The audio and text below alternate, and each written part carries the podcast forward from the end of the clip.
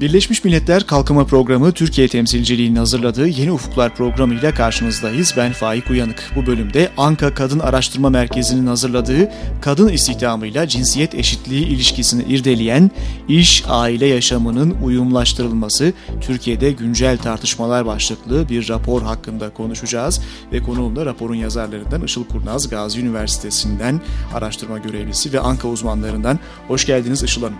Hoş bulduk, teşekkür ederim. Raporu siz ve yine Gazi Üniversitesi'nden bir diğer araştırmacı arkadaşınız Duygu Atalay birlikte hazırladınız. Anka Kadın Araştırma Merkezi'nin ikinci raporu aslında bu. 2013'ün ortalarında kurulan bir kadın araştırma merkezi Anka. Ve rapor kırsal bölgelerde kadın istihdamının kentlere oranla daha yüksek olduğunu ve Türkiye'nin Avrupa sıralamasında kadın istihdamı sıralamasında da son sırada yer aldığını bizlere gösteriyor. Raporunuzun başlığı iş aile yaşamının uyumlaştırılması. Öncelikle bu terimle neyi kastediyorsunuz onunla başlayalım. Evet e, bildiğiniz gibi kadının e, özellikle modernleşmeyle birlikte iş gücü piyasasında giderek daha fazla yer alması onun e, hem evde hem de çalışma hayatında bir çalışan olarak karşımıza çıkmasına neden oluyor. İşte biz iş ve aile yaşamı derken kadının yani savaştığı da diyebiliriz iki farklı cepheden bahsediyoruz ve bunlar arasındaki çatışmanın azaltılmasından e, genel olarak böyle bir çerçeve çizmeye çalışıyoruz. Aslında ilk raporunuz da Anka olarak çıkardığınız raporda değil mi? Masanın üstüne duruyor. Kadının görünmeyen emeği ikinci var diye başlığını taşımaktaydı. Yine aynı sorunun bir ölçüde altını çizmiştiniz o raporla da. Evet kesinlikle orada da ev içinde ve iş gücü piyasasında yani ev dışında çalışan kadınların durumuna ilişkin bir takım saptamalar yapmıştık. Yaklaşık bin, bin kadın e, genelinde bir çalışmamız vardı. Ve orada ümit verici bazı tespitlerde e, bulunmuştuk. Ondan da bahsetmek istiyorum. Gördüğümüz kadarıyla artık kadın ve erkek arasındaki roller biraz daha az toplumsal cinsiyet temeline dayanmaya başlamış. Özellikle çocuk bakımı konusunda erkeklerin de geçmiştekinden daha fazla çaba sarf ettiğini ve ev içinde çocuk bakımı alanında aktif olduğunu görüyoruz. Bunun dışında tabii kadınlar için e, hem evde hem de çalışma yaşamında devam eden e, bir takım çatışmalar söz konusu ne yazık ki. Ki bu da zaten e, genellikle evlenen ve evlendikten evlendikten sonra çocuk sahibi olan kadınların iş gücü piyasasından istemeyerek de olsa ayrılmasına yol açıyor. Biz de bu raporumuzda bu temel problem üzerinden ve son dönemde hükümetin gündeminde olan kadın istihdamı yasa tasarısındaki kamuoyuna yansıdığı kadarıyla çeşitli düzenlemelerin neler yaratabileceği üzerinden hareket ettik. Kadın istihdamının teşvikine yönelik Türkiye'de alınması düşünülen önlemlerden söz ediyorsunuz. Şimdi başta bahsettim Türkiye Avrupa sıralamasında kadın istihdamı e, anlamında son sırada yer alıyor ama burada belki dikkat çeken nokta şu. Kırsal bölgelerde kadın istihdamı kentlere oranla daha yüksek değil mi Türkiye'de? Evet bizim tabii kendi e, bir takım yapısal problemlerimizle ya da yapısal özelliklerimizle ilgili bu iş gücü piyasamızla ilişkin. Öncelikle şunu söyleyelim. E, Türkiye Avrupa Avrupa ortalamalarının yaklaşık %50'si kadar bir kadın istihdamına sahip. Dolayısıyla e, gerçekten oldukça düşük Ortalamaya rakamlar. Ortalamaya ulaşmak için bile iki katına evet, çıkarmamız e, gerekiyor. Öyle söyleyebiliriz. En yakın bize sanırım Meksika o da %46'lık bir katılım söz konusu. Bunu da ben OECD ülkeleri arasında e, söylemek istiyorum. Bunun dışında Türkiye'deki problemler ne? Öncelikle her ne kadar son yıllarda tarımdaki çözülmeye bağlı olarak bir takım tabii ki istihdam azalışları söz konusu olsa da Türkiye hala e, çok ciddi oranda tarım sektörünün yoğun olduğu ve bu da hani genellikle kırsal bölgelerde olduğu için tarımsal faaliyet kadın istihdamının göreli olarak yüksek çıkmasına neden oluyor. Çünkü e, kırsal alanlarda ücretsiz aile işçisi olarak bizim e, tabir ettiğimiz e, teorik bazda yani herhangi bir geliri olmasa da ya da çok düşük bir gelir alsa bile eşinin, ailesinin yanında çalışan kadınların kentlere geldiklerinde kentteki işlerin gerektirdiği niteliklere sahip olmaması nedeniyle iş gücü piyasasının dışına itilmesi ya da ev kadını olarak hani tabir ettiğimiz grupta yer almasına neden oluyor. Zaten TÜİK istatistiklerine bakacak olursanız iş gücüne dahil olmayan kadınların genellikle ev işleriyle meşgul olan grubun payının çok yüksek olduğunu görürsünüz. OECD ülkelerinde kadınların iş gücüne katılım oranı ortalama %62 seviyesinde. Türkiye'de evet. bu oran %31'de. Yarı yarıya bir düşüş var. Yani her 10 kadından 7'si belki de evde oturuyor Türkiye'de. Evet. AB ortalaması ise %65 yani OECD ortalamasının üstünde olan bir oran. Dünya Ekonomik Forumu'nun toplumsal cinsiyet eşitsizliği endeksine göre Türkiye 124. sırada hı hı. en son endekse göre. UNDP'nin hazırladığı 2013 İnsani Gelişme Raporu'nda yer alan toplumsal cinsiyet eşitsizliği endeksinde 148 ülke arasında 68. sırada yer aldı ki UNDP istihdam kriterini de endikatörleri arasında ciddi oranda kullanan bir endekse sahip bu anlamda. Şimdi e, iş ve aile yaşamın uyumlaştırılması Türkiye'de güncel tartışmalar başlıklı rapordan bahsedelim tekrar. Hı hı. Çarpıcı tespitlerinizden. Bu arada raporu indirmek isteyenler sizin web sayfanızdan bir önceki raporunuz da dahil olmak üzere araştırmanıza ulaşabiliyorlar. ankakadın.org sitesi üzerinden bunu vurgulayalım. Bu arada tartışmaya katılmak isterlerse dinleyicilerimiz Yeni Ufuklar e, etiketiyle Twitter üzerinden bizlere görüşlerini aktarabilirler. Raporunuzda yer alan verilere göre en düşük kadın istihdamı 33 Avrupa ülkesi arasında Türkiye'de. En önemli nedeni de iş ve aile yaşamını uyumlaştırmayan yetersiz sosyal politikalar diyorsunuz.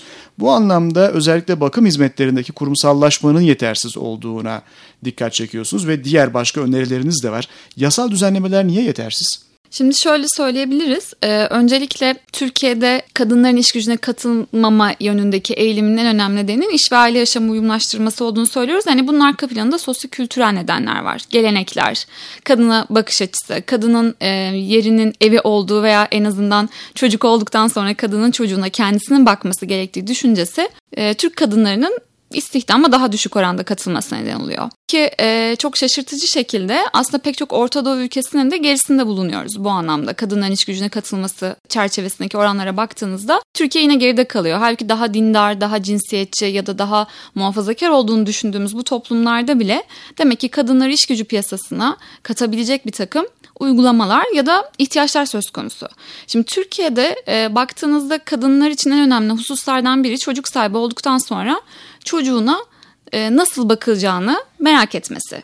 Yani eğer e, bir kadın çocuk sahibi olduktan sonra çalışıyor dahi olsa mutlaka bu endişeyi kafasının bir yerinde taşıyor. Bu onun verimliliğindeki düşüşe neden olabiliyor. Dolayısıyla işveren tarafından da genellikle çocuk sahibi olduklarında kadınların daha az verimli çalışacağı düşünüldüğü için tercih edilmemelerine neden oluyor. Yani adeta bir ikinci iş gücü haline geliyorlar. Peki Türkiye'de uygulamalar ya da alınan sosyal tedbirler neden yetersiz? Çünkü bakım hizmetleri bugüne kadar çok önemli bir gündem maddesi oluşturmamış. Ne özel sektör için ne kamu için. Şimdi şöyle söyleyelim düzenlemeler yok mu? Elbette ki var fakat özel sektörde işverenlerin kreş veya işte çocuk bakım hizmetleriyle ilgili bir merkez açması için en az 150 kadın işçi çalıştırmaları gerekiyor. Şimdi Türkiye'de bırakın kadınları e, toplam işçi sayısı üzerinden bile bakacak olursanız zaten e, genellikle küçük ve orta ölçekli firmalar var. Yani 150 çalışan şartını yakalayabilen bile çok fazla firma yokken siz 150 kadın çalışan gibi bir şart koyduğunuzda otomatik olarak uygulamada pratik bir sonuç alamıyorsunuz. Aslında tersten bir yaklaşım olmuş değil mi? Kreş olsa belki %50 kadın çalışan olacakken %50 kadın çalışan varsa kreş açılsın 150 demek. kişi 150. sayısı olarak. Evet 150. Evet, yani onu sağlayamadığı için dolayısıyla tersten bir yaklaşım söz konusu. Kesinlikle. Kamuda da böyle bir zorunluluk henüz yok. Az Zaten... önce bahsettik yani hükümetin alması düşünülen bazı önlemlerden Hı. söz ettiniz. Onların arasında o zaman kritik bir yer teşkil ediyor Var evet Bakım bildiğimiz hizmeti. kadarıyla yani kamuoyuna yansıdığı kadarıyla henüz e, tasarıyı biz de görmedik. Fakat e, önemli bir husus olarak görünüyor. Bildiğimiz kadarıyla hem özel sektör hem de kamu e, sektöründe hizmet veren kurum ve kuruluşlar için böyle bir zorunluluk getirileceğini yine tabii muhtemelen bir çalışan sayısı şartı sağlanacaktır ama e, böyle bir husus var fakat burada önemli olan tabii ki bir yasal zorunluluk olarak sadece kreşin açılması değil aynı zamanda bu kreşin e, kaliteli hizmet vermesi.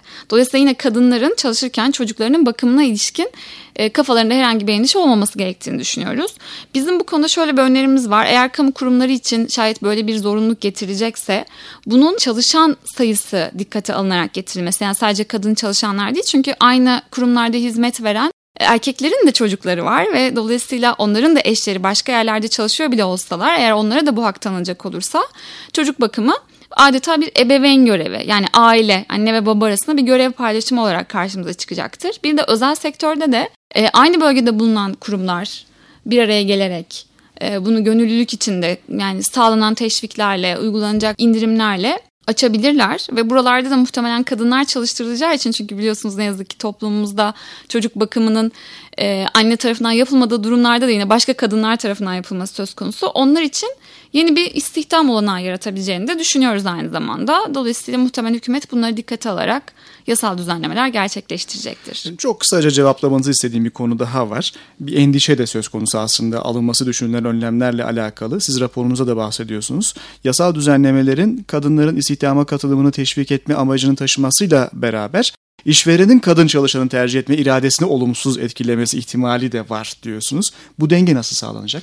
Ee, burada da şunu söyleyebiliriz. Şimdi e, bu yasa tasarısı gündeme geldiği ilk anda kamuoyunda iki e, önemli aktör tarafından bir takım açıklamalar yapıldı. Biri Ankara Sanayi Odası Başkanı, diğeri İstanbul Sanayi Odası Başkanı'ydı ve doğrudan dediler ki eğer bu şekliyle yasa geçecek olursa bu kadın istihdamının önüne ket vurulması anlamına gelir. Yani biz zaten kadın çalışan almayız.